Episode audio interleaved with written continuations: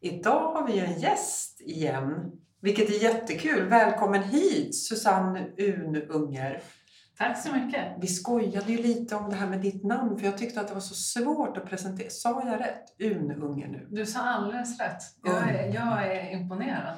Tack! Inte ens jag då som har känt henne i sex år kan säga. Kan säga. Ja. Ja. men vad bra. Ja. Men, och vi är ju jätteglada att du är här. Du är eh, HR interimschef. Ja, det stämmer. Vi driver ju en podd som heter Människan i förändring. Precis. Och eh, det är ju superlämpligt att ha en eh, senior HR-person här. Och Eh, konsult också. Det är det precis. vi tyckte var extra spännande, att du både är HR men också konsult. För konsultbranschen är ju ganska drabbad just nu. Det är den, det är den verkligen. Men eh, också i och med att man som konsult ofta kommer in just där man befinner sig i en förändringsresa eller där vi kan se ett behov av att genomföra en ganska stor förändring. Mm. Mm. Corona har ju påverkat de flesta branscher och människor.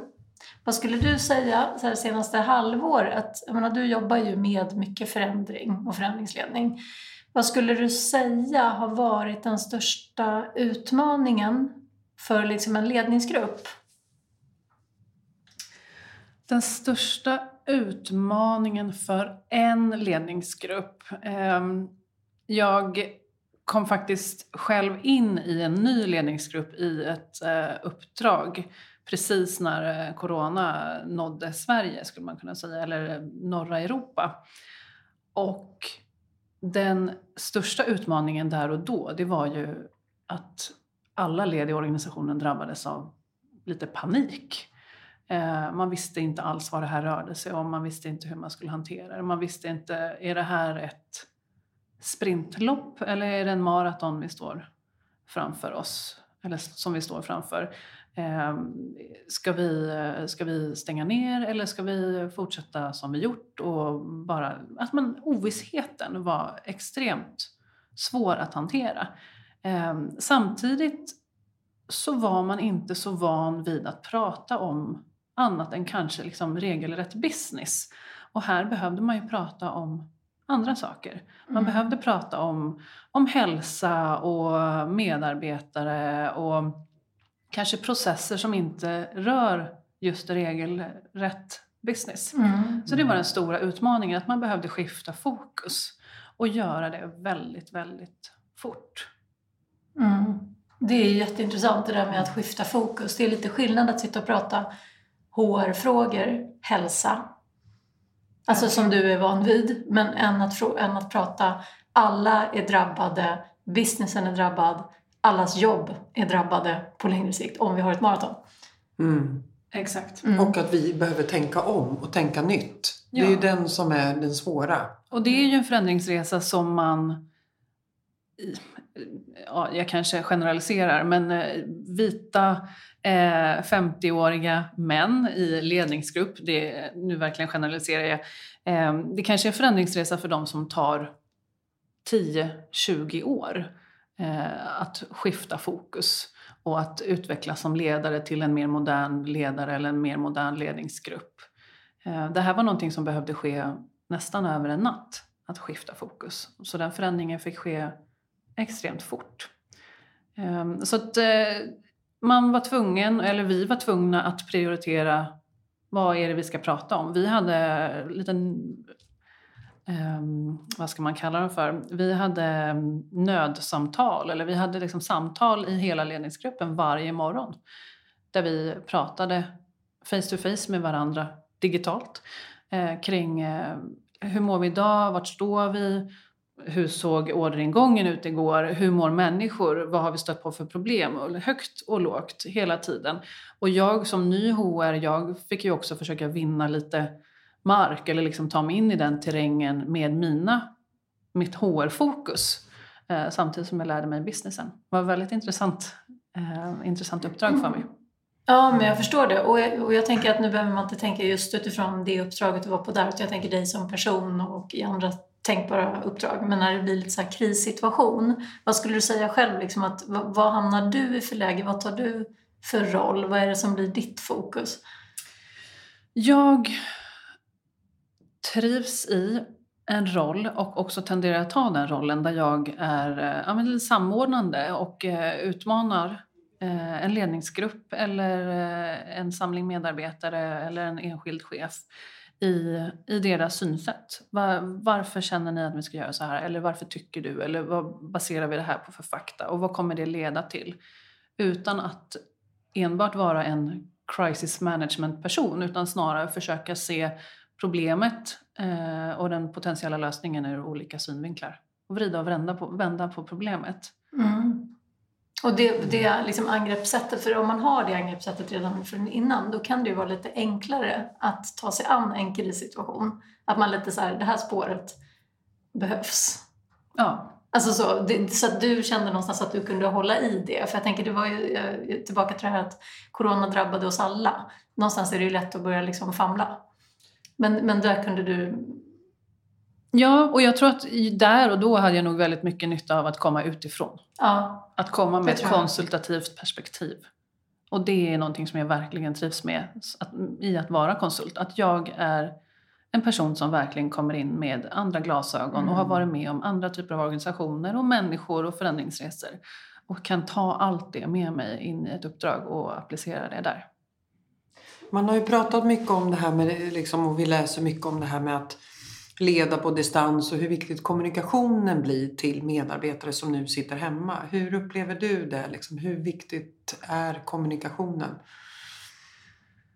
Jag tycker att kommunikationen är A och O i vilken organisation eller relation som helst oavsett om den är digital eller fysisk före Mm. eller efter corona. Jag har sett så många exempel på bristande kommunikation tidigare också. Där man kanske har träffat sin ledare eller sin medarbetare eller sitt team varenda dag men man har inte haft en tydlig och konstruktiv kommunikation i det. Man har inte visat sig vara modig eller sårbar eller öppen eh, där. Och eh, de problemen följer ju med in även i det digitala. Mm. Så att en bristande kommunikation eller en otydlig kommunikation är, eh, det är ju tråkigt att ha att göra med. Mm. Eller det, det leder inte till framgångsrika affärer och framgångsrika team oavsett om det är digitalt eller inte. Och du har ju som konsult så har du varit på väldigt många bolag. Det är ju, står ju klart så att säga. Vad är din erfarenhet av att de flesta har dålig kommunikation? Eller dålig, kan bli bättre? Jag tror att eh, min högst personliga åsikt är att man inte har tillräcklig övning i kommunikation eller man kanske inte har en bra erfarenhet av kommunikation. Man kanske själv inte har haft förebilder i ledarskap under sin uppväxttid, eh, sina första yrkesverksamma år. Eh, det är ett annat klimat nu på arbetsmarknaden där man faktiskt eh, mår bra av att kommunicera bättre och tydligare men man kanske inte har de förebilderna. Man kan många gånger prata om ett, ett dåligt ledarskap eller jag kanske skulle kunna sitta och generalisera och säga att eh, i och med övergången till digital kommunikation och att man sitter hemma och jobbar under corona så ja, men, då syns det dåliga ledarskapet. Ja, men, vad beror det på att det är ett dåligt ledarskap? Man kanske även innan corona inte har förstått vad det innebär att vara ledare. Man kanske inte har fått skolning eller eh, erfarenhet i att vara en bra ledare. Ehm, så att, eh, jag skulle gärna vilja backa bandet lite sen. Inte gå tillbaka till det, normal, till det gamla normala men snarare backa bandet och eh, det dåliga ledarskapet, nu gör jag situationstecken här, det dåliga ledarskapet kunde förbättras både innan och efter eh, corona. Jag skulle gärna vilja ge mer coachning och skolning till många ledare eller chefer där ute att faktiskt bli ledare. Men, eh, och eh, det jag har sett, min uppfattning är ju att corona och den utmaning som det innebär, burit med distansarbete och digitala möten och sådär, har gjort att det har mest blivit tydligt vilka ledare som har med sig sina medarbetare och inte. Ja. På ett snabbare sätt. Det har Alltså- blivit väldigt tydligt Mm. och det är någonting som inte bara nu syns i en medarbetarundersökning eller en 360 eh, analys av en ledare utan det är någonting som syns i det dagliga och det bubblar upp till ytan väldigt lätt och fort. Och där har det blivit väldigt tungt för HR-personer i mitt Mm. nätverk har jag hört. För att, ehm, väldigt kompetenta HR-personer, Personer, man är inte en HR-person så, men personer som jobbar med HR eller HR-konsulter, de har många år flaggat för personer, eller liksom för ledare som kanske behöver utvecklas och försökt driva de här frågorna tillsammans med sin ledningsgrupp. Men nu när man befinner sig i det här läget som nu vi står inför i corona och liksom de dåliga ledarna syns, då bubblar det upp till ytan från väldigt många håll i organisationen. Det är medarbetare som mår dåligt, som hör av sig direkt till HR. Man kanske har gjort det i mindre omfattning tidigare, men nu blir det liksom som en, eh, en tsunami som kommer med, med eh, medarbetare som inte mår dåligt, eller som mår dåligt i, i, i eh, den kontexten de befinner sig i.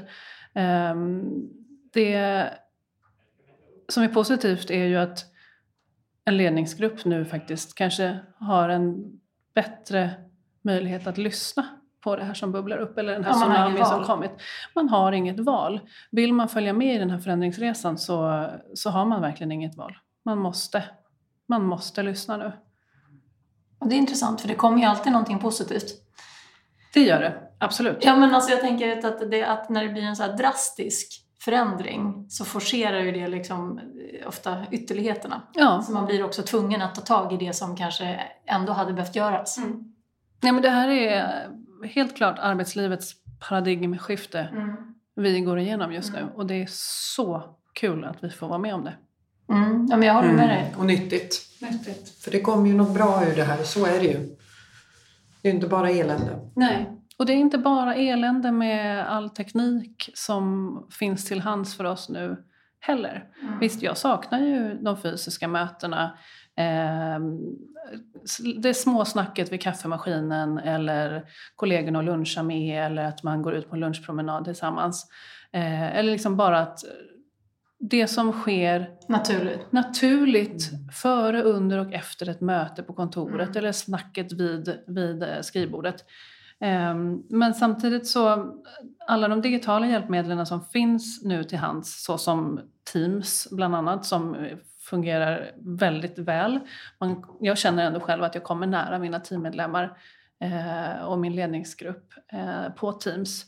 Men även andra digitala funktioner som finns där du faktiskt kan få hjälp att planera din dag. Du kan se vad ägnar jag min tid åt? Eh, hur kan jag bättre få en balans i arbetslivet? Så alla de här tekniska möjligheterna som finns i så här My Analytics-program och Mm. liknande. Eh, det går lite hand i hand med, med det digitala livet och den här förändringsresan. Jag tycker att det är så, så spännande att få vara med om. Mm. Jo, men precis som du, som du var inne på. Alltså, saker som man hade kunnat ut, behövt utveckla på under fem år har gått på sex månader. Precis. Herregud alltså. Det, det är också väldigt... Eh, många kanske inte ens har tagit fram sina löparskor ur garderoben sedan man köpte dem. Eh, och istället för att ge sig ut på en två, två kilometers jogg så är man verkligen ute och springer, springer ett maraton nu som man inte riktigt vet när, när det ska ta slut. Utan Nej. måste, man måste vara ihållig i... Man måste kämpa på i den här övergången till det nya arbetssättet. Men, ja, men eh, gud vad intressant. Vi uppskattar så mycket att få in eh, duktiga, kompetenta människor att sitta och prata med. Vi är jätteglada att vi fick göra det Susanne. Kul att jag fick komma hit. Ja, Stort tack för att du kom hit. Tack. tack.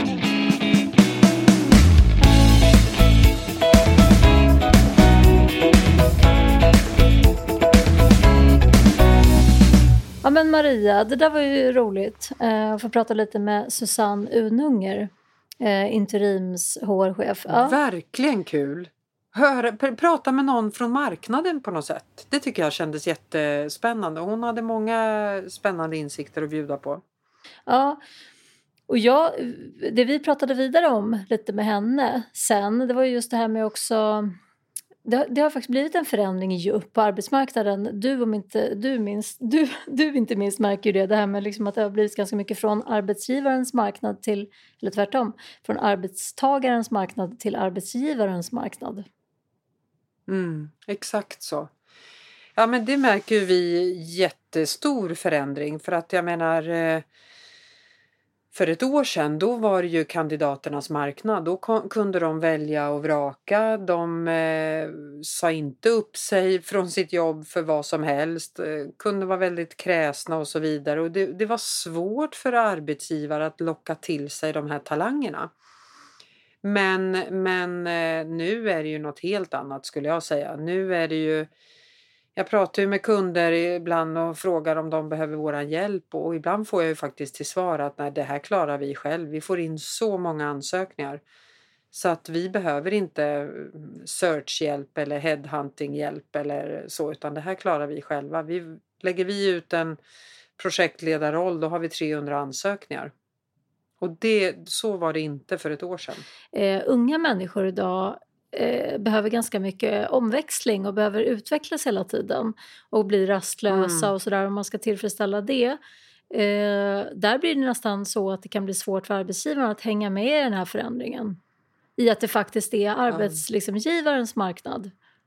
Det betyder mm. ju att man faktiskt har möjlighet att inte tillfredsställa alla behov hela tiden därför att människor behöver jobb helt enkelt. Som sagt, vi märker ju det på, på när vi sö söker folk att vi, vi får ju in ganska många olika ansökningar. Nu börjar man söka vitt och brett och man eh, kan tänka sig att både gå ner i lön och gå ner i, i tjänst och så vidare och så vidare. Mm. Så, så var det inte tidigare. Det är, nej, det är en stor förändring där. Mm. Och Susanne pratade ju också om det där med att eh, jag har hört flera HR som säger det att HR-jobbet har blivit så mycket roligare i och med att det blir väldigt konkret vilken funktion man fyller i kristider. Eh, här har jag hört många HR som har pratat om. Mm. Eh, men jag tänker också på hur, hur, det, alltså, hur HR får stötta liksom ledare i det när det kommer till rekrytering ja. och eh, när det är så många liksom, ansökningar och sådär på varje tjänst. Ja men precis. Jag hade just en kund som la ut eh, en tjänst här och de hade fått 500 ansökningar och de sa att det, det tar ju veckor att bara gå igenom alla ansökningar. Så att nu behöver man ju liksom extra resurser på HR-avdelningar för att ska du uppge någon form av bra service och det här med återkoppling som vi också har pratat om hur viktigt det är. Då måste du spida, spida igenom de här CVna och du, du läser inte 500 CVn på en vecka. Det gör du inte. Nej, det, det tar längre tid än så. Så att alla får en ärlig chans att man verkligen läser igenom och så vidare. Så att nu behövs det fler folk på HR-avdelningar. Ja, men precis. Och samtidigt i det här så på, har det ju också pågått jag menar, förhandlingar med lagen av anställningsskydd. Mm. Att, att det finns ju ett behov av att lätta upp för arbetsgivare ju.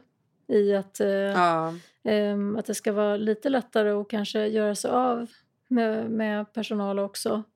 Men jag menar just mm. att det blir, blir, mer liksom arbetsgivarens marknad och sådär. Alltså sådär. Ja, det är många mm. som söker jobben och så men det är också så att, det, att det, det kan förändras ganska snabbt när en business inte går bra. Så behöver mm. man ju också Och man förändra. gör om roller som, precis, som vi har pratat om tidigare. Att från att ha varit en administratör så ska du nu bli säljare. Mm. Eh, det har du ju rätt att, att göra som arbetsgivare. Du, du, får ju förändra folks roller och det är ju inte jättepopulärt. Nej, precis. Jag tror facket har mycket att göra i dessa tider. Mm, verkligen. Alltså, Eller hur? Ja. Det är många sådana frågor. Vad, vad, har man rätt till och hur kan man ställa om och vad kan man kräva från, från anställda? Men, men som sagt, det... Men här, här ja. är det också så jag tänker liksom lite ledningsfrågor så där, i det här när man ställer om och måste utveckla affären så snabbt och sådär. Så det, det ställer ju, jag tycker att det är många som frågar efter förändring för snabbt.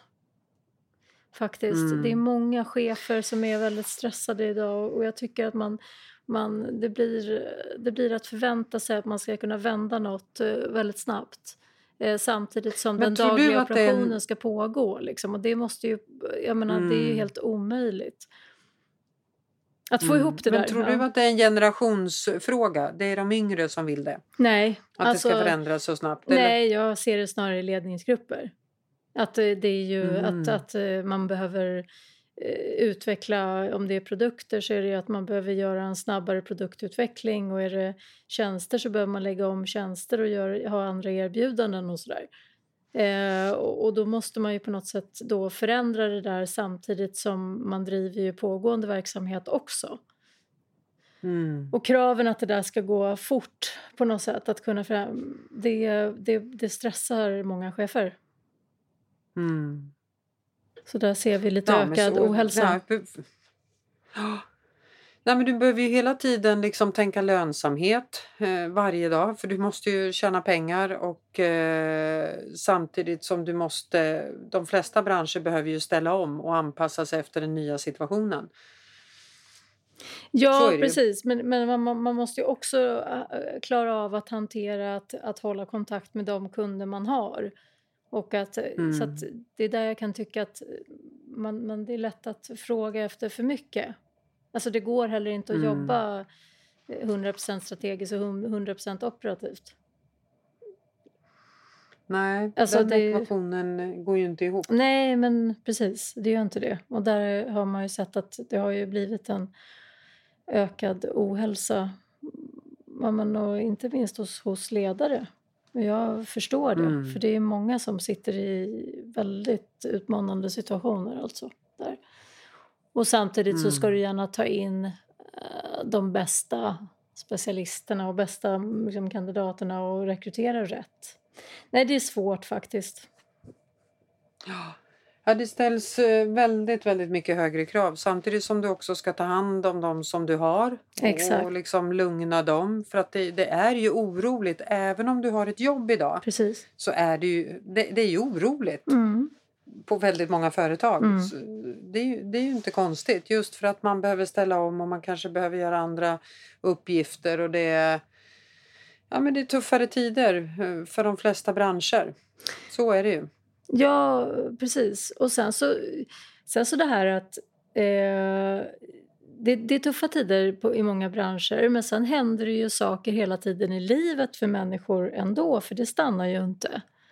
Alltså allt Nej. ifrån att barnen inte får vara på förskola knappt så att det Nej, stressar fort ihjäl folk liksom med att vabba Mm. var och varannan dag till att eh, människor blir sjuka i corona till exempel i närstående om man är orolig och så. Det, det, det är så mycket på något sätt. Nu har vi liksom hållit på med det här i ett, ett halvår ungefär. Mm. Men du Andrea, tänk när vi satt här i mars och inte trodde vi att vi skulle sitta här i oktober och prata samma sak och att det liksom inte trodde vi ju att det skulle pågå så här länge. Alltså effekterna har jag trott hela tiden ska pågå ganska länge men jag menar vi, eh, nej, vi ser ju ingen avmattning.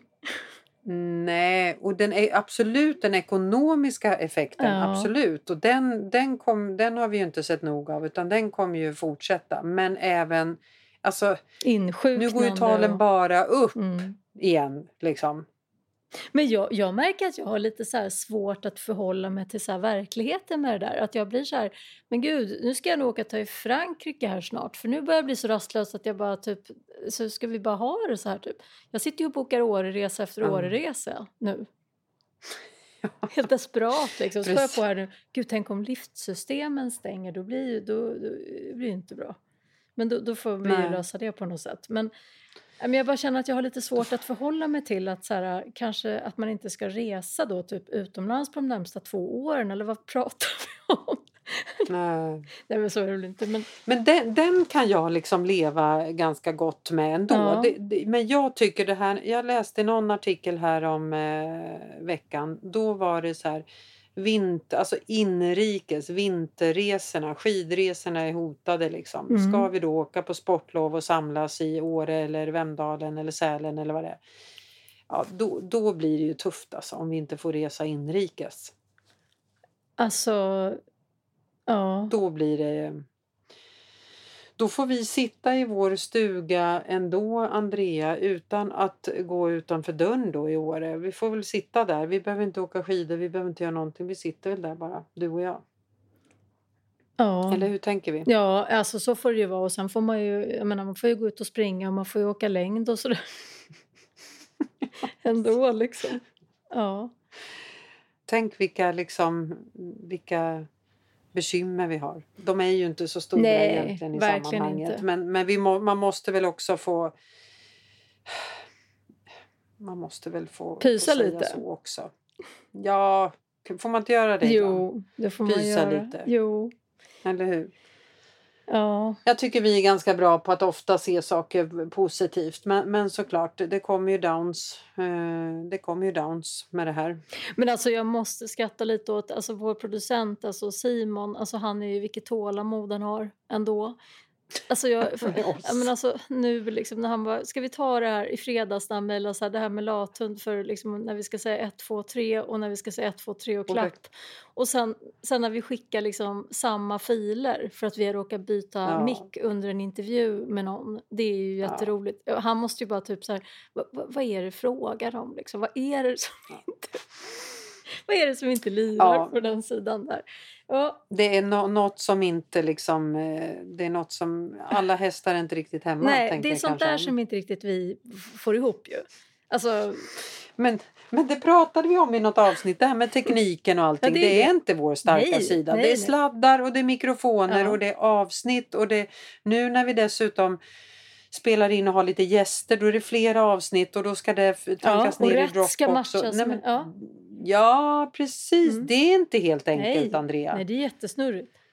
Men det är fantastiskt med människor som har sån tålamod och eh, det är vi väldigt glada för. Jag tycker vi passar på att hylla Simon Ja, men jag lite i det tycker här också avsnittet. det faktiskt. Jag känner att... Ja, att, han är fantastisk. Ja, verkligen.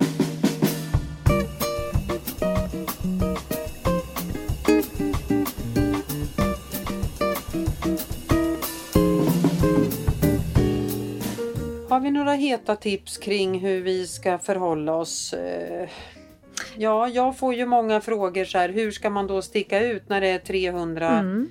Eh, fråga. som söker samma roll? Ja, det, det, den får jag väldigt ofta och jag eh, har ibland nosat, nosat på det och, och jag säger som jag har gjort förut att liksom du behöver snabbt komma till något konkret vad du kan bidra med i den här rollen. Mm. Det, jag säger igen, jag kan inte säga det nog så många gånger. För att jag läser väldigt många CVn varje dag. Eh, och det kan ta både 7 och 10 och 15 och 20 sekunder eh, av läsningen innan jag förstår vad personen gör och vill. Det är för lång tid. Man behöver börja med det krispiga, man behöver sticka ut, man behöver kanske ringa, man behöver mejla, inte bara skicka i någon sån här ansökan-knapp utan man behöver göra det där lilla extra nu. Mm. Det är bra tips. Och Mm. eh, jag skulle vilja ge tips lite så här kopplat till det vi pratade om sist. Eh, när jag fick lite frågor kring ohälsa. Och jag hör Mm. så många just nu och eh, ja, jag skulle vilja ge tipset att eh, inte hoppa över det där som man behöver ta hand om, det där som är jobbigt. Faktiskt, för att, för att vi blir inte uthålliga annars. Nu har vi haft en, en belastning. Många har haft en belastning hemma eh, med att eh, ja, barn, eh, man behöver jobba hemma, flera stycken till exempel eh, och sådär. Och massa teknikfrågor inte minst. så kommer med stressade... Nej, men, och sen så när det händer saker utöver det, alltså så, så, så behöver vi också ta hand om det och inte tro att vi eh, bara kan hoppa över det där jobbiga. Utan jag rekommenderar Nej. lite tid för dig själv och eh, reflektion, fysisk aktivitet, ut och gå. Tro inte att du kan vara effektiv konstant för man klarar inte det.